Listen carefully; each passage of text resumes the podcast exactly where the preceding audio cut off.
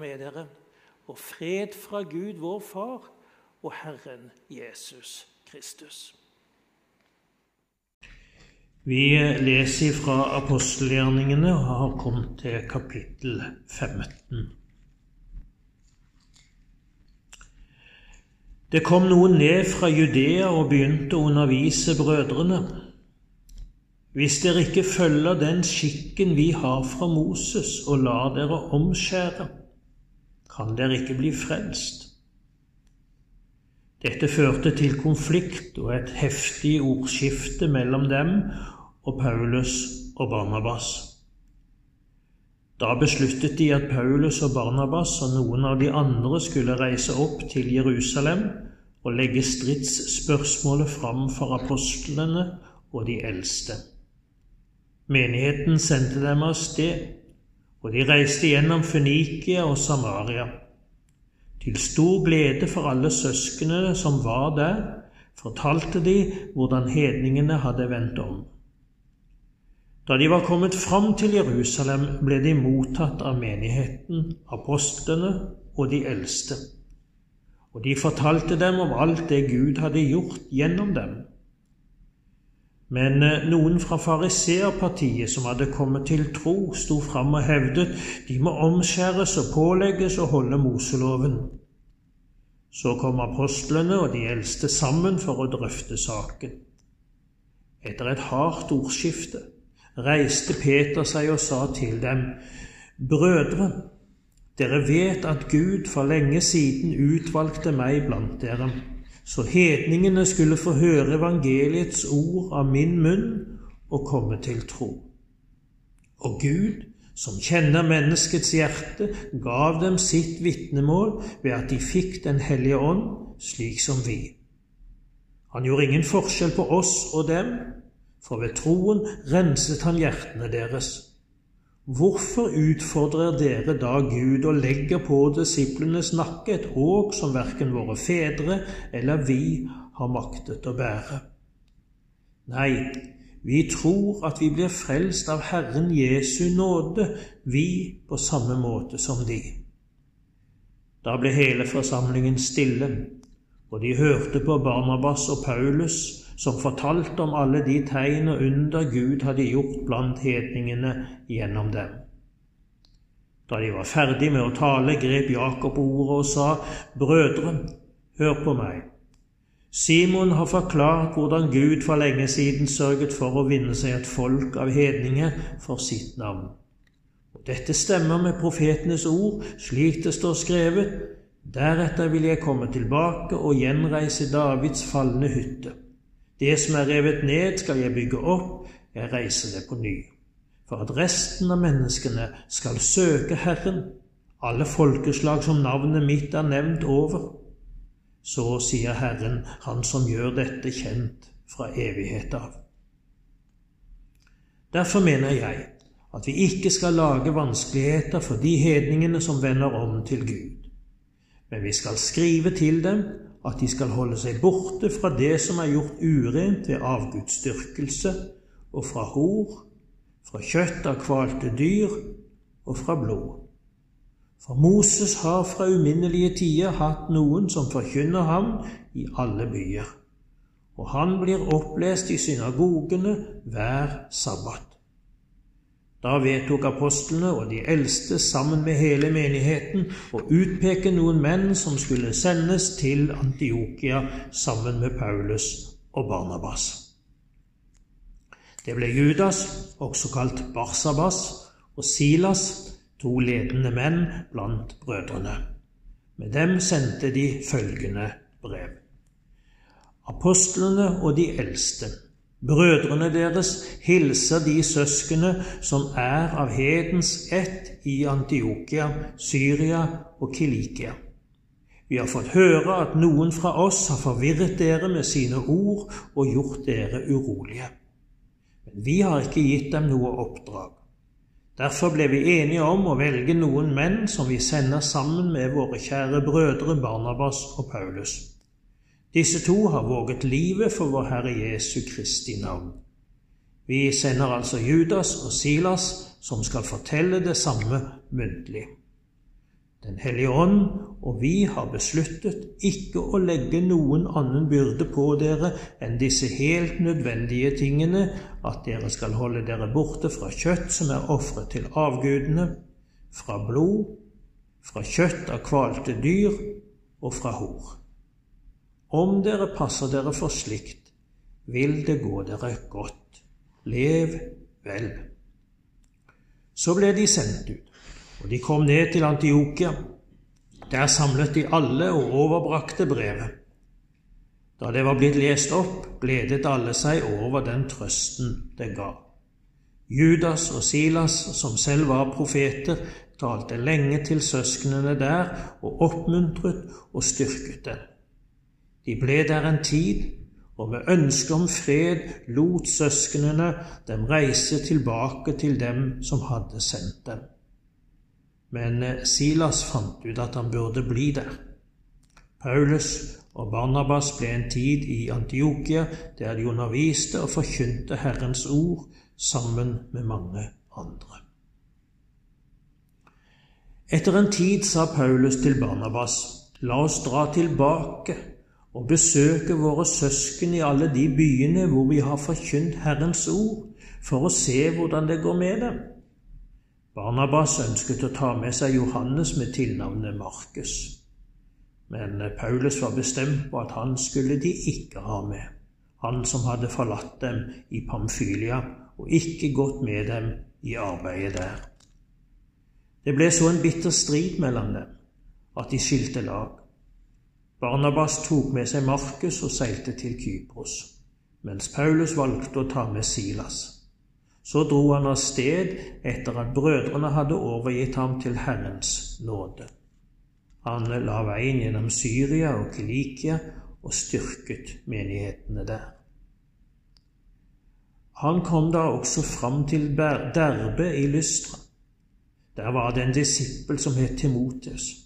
Han var sønn av en troende jødisk kvinne, og faren var greker.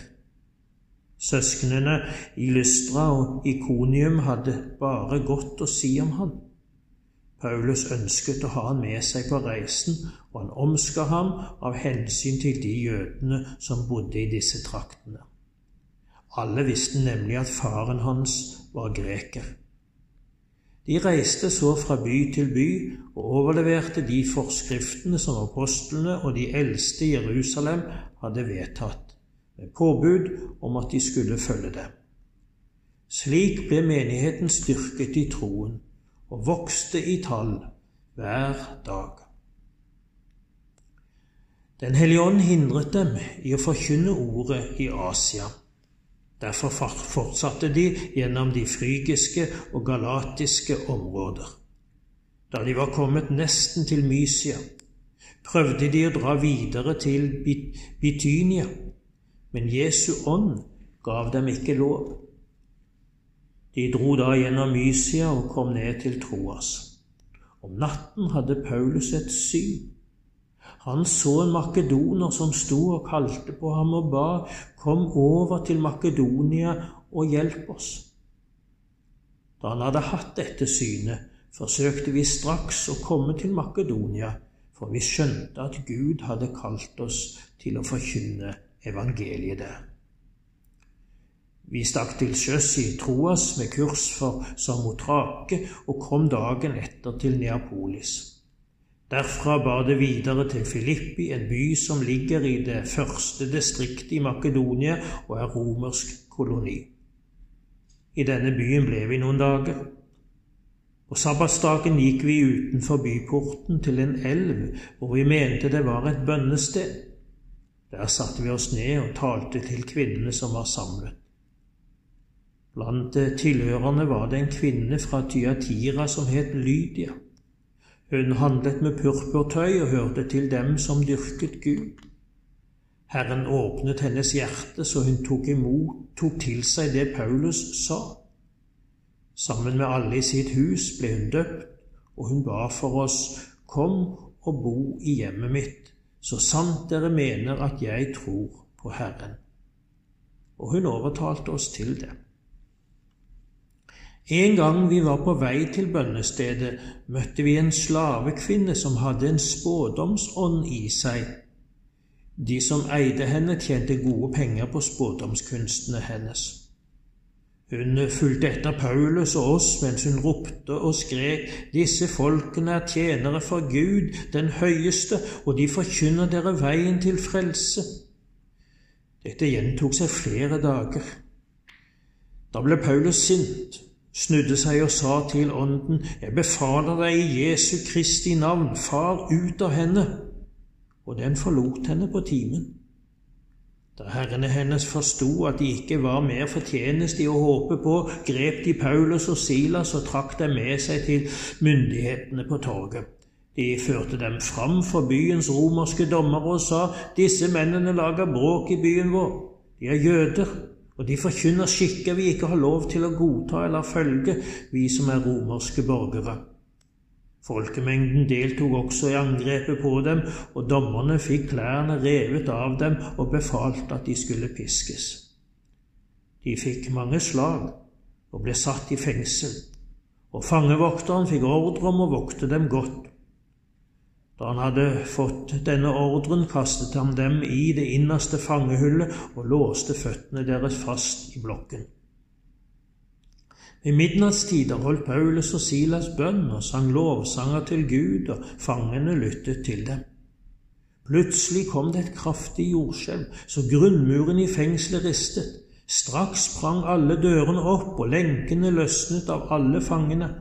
Fangevokteren for opp av sønnen og så at fengselsdørene sto åpne. Han grep et sverd og ville drepe seg fordi han trodde fangen hadde rømt. Men av all sin kraft ropte Paulus til ham, Ikke gjør deg selv noe vondt, vi er her alle sammen. Fangevakteren ba om å få lys, løp inn og falt skjelvende ned fra Paulus og Silas. Så førte han dem utenfor og sa, Hva skal jeg gjøre, gode Herre, for å bli frelst? De svarte, Tro på Herren Jesus Kristus, du, så skal du og alle i ditt hus bli frelst. Og de forkynte Herrens ord for ham og, alle, hans, og alle i hans hus. I denne sene nattetimen tok han dem med seg og vasket sårene deres, og han ble straks døpt med alle sine. Så tok han dem hjem og ga dem mat, og han gledet seg sammen med hele sitt hus over å ha fått troen på Gud. Da det var blitt dag, sendte dommerne rettsbetjenten av sted med denne ordren løslat mennene. Fangevokteren meldte fra om dette til Paulus og sa, dommeren sender beskjed om at dere skal løslates, kom nå ut og dra bort med fred. Men Paulus svarte, uten lov og dom er vi blitt pisket offentlig og kastet i fengsel, enda vi er romerske borgere, og nå skal vi altså sendes bort i all hemmelighet? Nei takk, de får selv komme og føre oss ut. Rettsbetjentene brakte dette svaret til dommerne som ble skremt da de fikk vite at de var romerske borgere. De kom og ba om unnskyldning, fulgte dem ut av fengselet og ba dem reise fra byen. Da de var ute av fengselet, gikk de hjem til Lydia. Her traff de søsknene som satte mot i dem. Så dro de videre. De reiste gjennom Amfipolis og Apollonia og kom til Tessalonika. Der var det en jødisk synagoge, og Paulus gikk dit som han pleide. Tre sabbater hadde han samtaler med dem ut fra Skriftene. Han åpnet Skriftene for dem og forklarte at Messias måtte lide og stå opp fra de døde. Og denne Messias, sa han, er Jesus, han som jeg forkynner for dere. Noen av dem ble overbevist og sluttet seg til Paulus og Silas. Det gjorde også en stor gruppe grekere av dem som dyrket Gud, og en god del av de fremste kvinnene. Dette gjorde jødene brennende harme, og de fikk med seg noen fra pøbelen på torget og laget et oppløp som satte byen på ende. De stormet mot huset til Jason og lette etter dem for å føre dem ut til folket.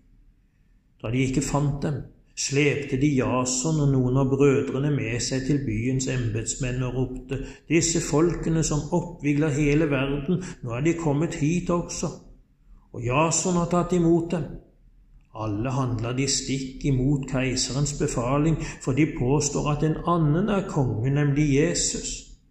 Både folkemengden og byens embetsmenn ble oppskremt da de hørte dette, og Jason og de andre fikk ikke gå før de hadde stilt en pengesum som sikkerhet. Så snart det ble natt, sendte brødrene Paulus og Silas til Berøa. Da de var kommet dit, gikk de til jødenes synagoge. Jødene der hadde et edlere sinnelag enn de i Tessalonika, og de tok imot ordet med all velvilje og gransket Skriftene daglig for å se om alt stemte. Mange av dem kom til tro. Det samme gjorde en del fornemme greske kvinner og mange greske menn. Men da jødene i Tessalonika ikke fikk greie på at Paulus forkynte Guds ord også i Berøa, kom de dit og hisset opp folkemengden og lagde bråk. Straks sendte brødrene Paulus av gårde for at han skulle dra ned til kysten, mens Silas og Timoteus ble igjen.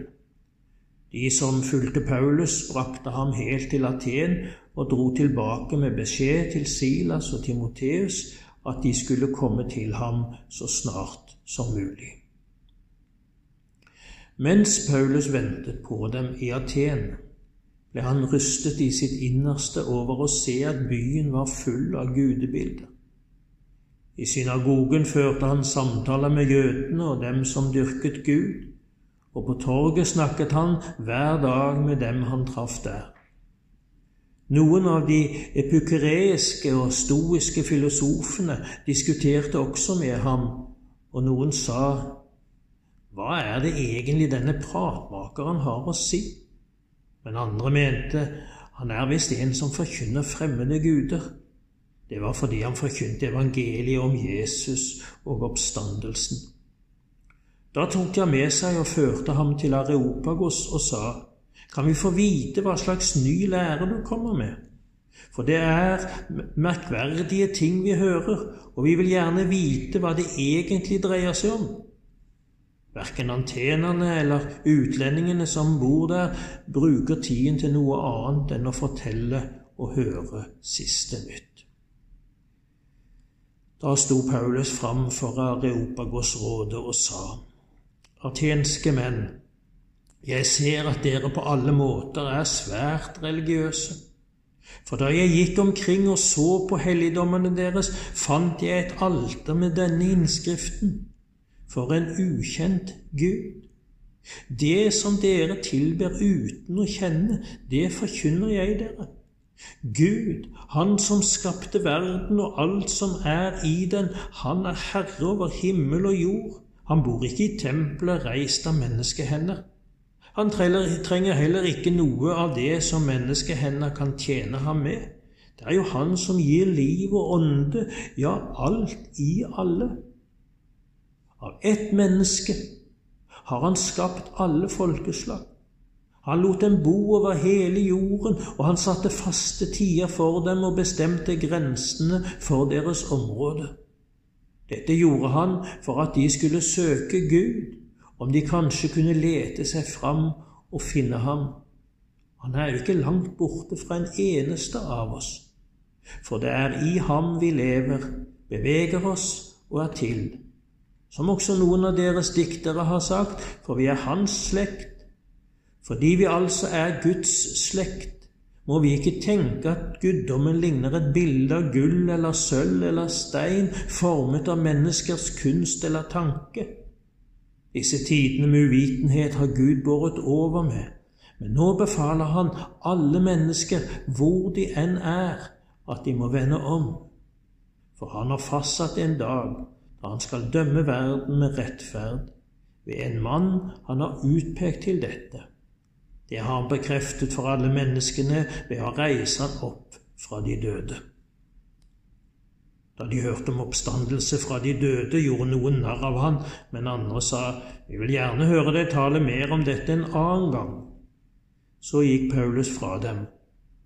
Men det var noen der som sluttet seg til ham og kom til tro. Blant dem var Dionysios fra Areopagosrådet og en kvinne som het Damaris, og noen andre.